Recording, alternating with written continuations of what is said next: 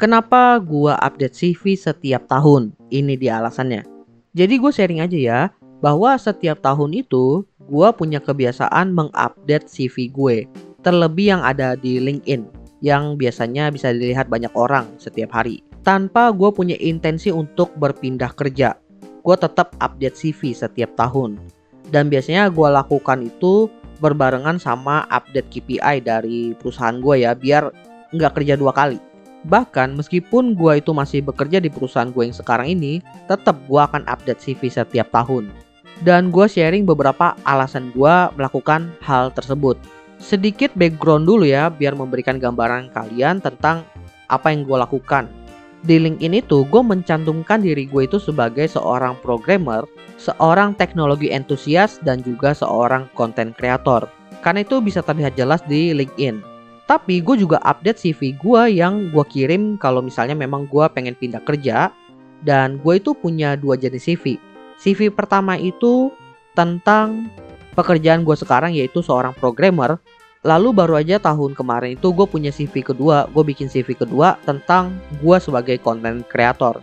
Alasan pertama kenapa gue update CV gue setiap tahun adalah gue mempertebal pengalaman gue dan menambah achievement gue ada dua konteks nih di sini.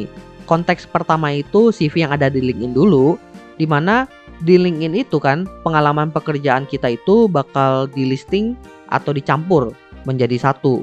Di situ bisa ke track pekerjaan lu dari pertama lu kerja sampai pekerjaan lu saat ini. Bahkan ada juga sama pendidikan lu.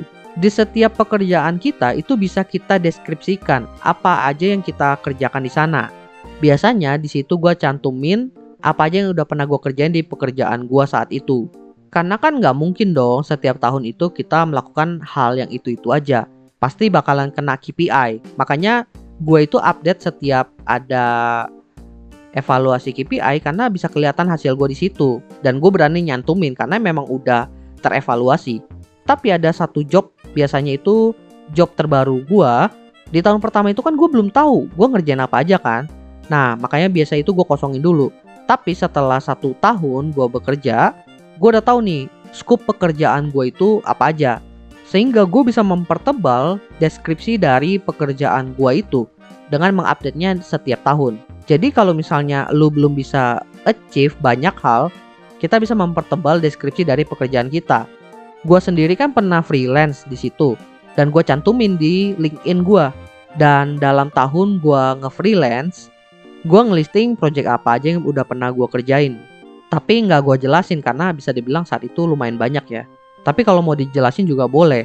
Ya tambahinlah satu kalimat dua kalimat itu udah cukup menjelaskan ini projectnya tentang apa. Tapi perlu hati-hati ya, jangan sampai membocorkan informasi yang konfidensial dari klien kita atau dari perusahaan kita. Itu konteksnya di LinkedIn. Sekarang konteks kedua di CV yang kita buat manual. Tentunya ya gue update setiap tahun itu gue lebih ke arah menambahkan achievement di pekerjaan gue yang saat ini dan menambahkan skill-skill baru yang memang udah gue pelajari di tahun sebelumnya. Dan biasanya CV yang gue buat manual ini itu udah include update sama portofolio. Jadi bedanya di LinkedIn itu gue cantumin portofolionya itu sebatas list nama. Kalau di CV manual itu gue ada file tersendiri yaitu file portofolio yang isinya di situ bahkan sampai ke screenshot-screenshot apps yang udah pernah gue kerjain.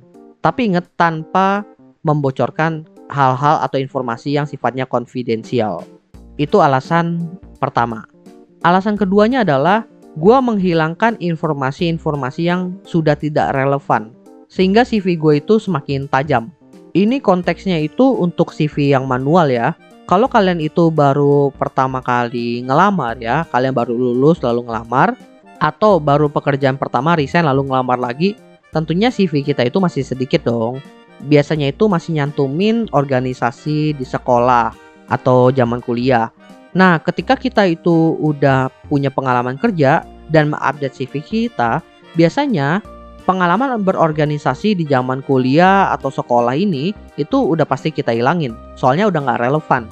Dan untuk CV manual itu biasanya gue maksimalin itu semua tercantum dalam satu halaman aja. Makanya banyak hal yang gue buang, apalagi kalau misalnya udah gue anggap itu udah out to date.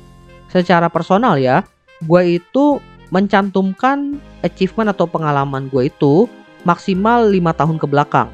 Soalnya gue secara ofisial itu memang baru bekerja selama lima tahun yang kerja di perusahaan. Tapi jauh sebelum itu gue juga udah pernah kerja, punya pengalaman kerja. Dan di CV gue saat ini itu udah gue hilangin. Tapi gue masih ada file-file backupnya sih sebagai histori aja, kenang-kenangan. Soalnya kan teknologi itu makin lama makin berkembang kan. Dan teknologi yang kita pakai lima tahun yang lalu itu biasanya dianggap udah out to date. Terlebih gue kerjanya di IT yang tiga tahun, dua tahun aja udah out to date. Makanya perlu diperbarui. Makanya pengalaman saat kita berorganisasi di zaman kuliah atau sekolah itu juga dihilangkan. Soalnya udah nggak relevan. Cara memimpin di zaman kuliah sama di kerja kan beda kan. Selain yang out to date, gue juga menghilangkan skill-skill yang udah nggak relevan dengan pekerjaan yang gue tekuni. Dulu gue inget banget gue pernah nulis gue itu bekerja sebagai admin official account. Kan itu skillnya udah nggak relevan kan sama programmer yang gue kerjain sekarang. Ya udah gue hilangin aja. Gue pernah bikin bisnis furniture dulu, tapi udah nggak relevan sama pekerjaan programmer gue. Ya udah gue hilangin aja. Bahkan gue sekarang pun bekerja sebagai programmer dan juga content creator yang content creator nggak gue cantumin di CV programmer. Gue pisahin CV programmer gue dengan CV content creator gue. Dan tentunya portofolionya pun beda antara content creator dengan yang programmer. Jadinya kalau misalnya gue pengen ngelamar kerja di tempat yang baru itu, gue tinggal lihat, oh pekerjaan yang pengen gue lamar itu sebagai programmer, yang gue keluarin CV programmer.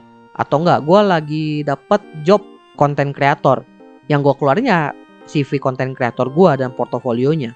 Jadinya lebih rapi aja dan kalau dilihat sih bener-bener programmer banget nih atau enggak wah content creator banget nih.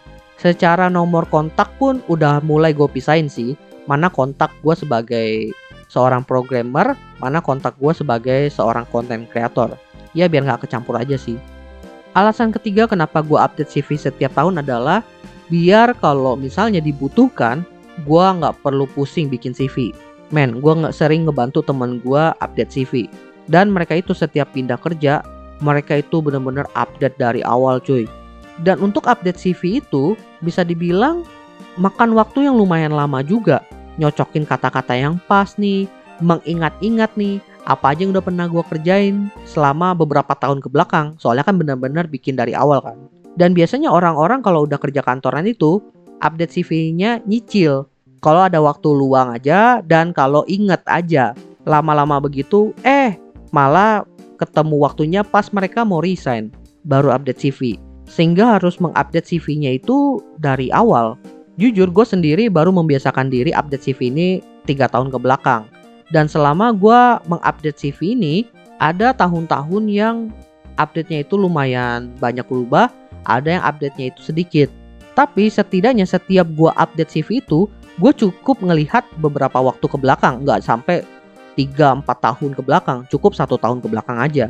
Dan karena gue tiga tahun itu update CV terus, gue punya rules tentang mana pengalaman yang harus gue cantumin maksimal lima tahun ke belakang.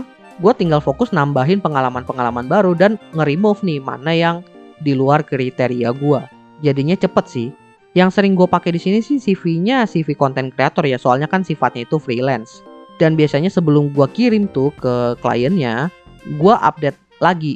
Kira-kira ada nggak sih project yang udah pernah gue kerjain lalu gue cantumin di sana buat tambahan portofolio aja dan itu nggak lama kok cepet karena kan jangka waktunya itu pendek banget bahkan kurang dari setahun bahkan gue pernah update dua bulan setelah gue ngerjain project terakhir tapi sifatnya itu cuma nambah aja kayak listing di LinkedIn tadi sama deskripsinya satu dua kalimat untuk dioptimalisasinya nanti itu setiap gue update KPI ya gitulah ya penting kelihatan bagus aja CV-nya Well, jadi itulah beberapa alasan kenapa gue mengupdate CV gue setiap tahun.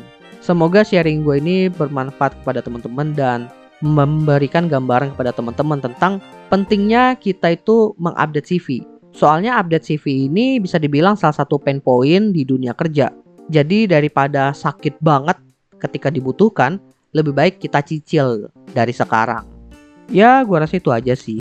By the way, jangan lupa follow Instagram Opsiana Podcast di @opsiana_media karena di situ akan ada informasi-informasi menarik seperti update dari Opsiana Podcast dan konten-konten menarik lainnya. yang pastinya nggak boleh terlewatkan oleh teman-teman. Oke, gua rasa itu aja. Thank you buat teman-teman yang sudah mendengarkan. See you next time di Opsiana Podcast episode lainnya. Bye semuanya.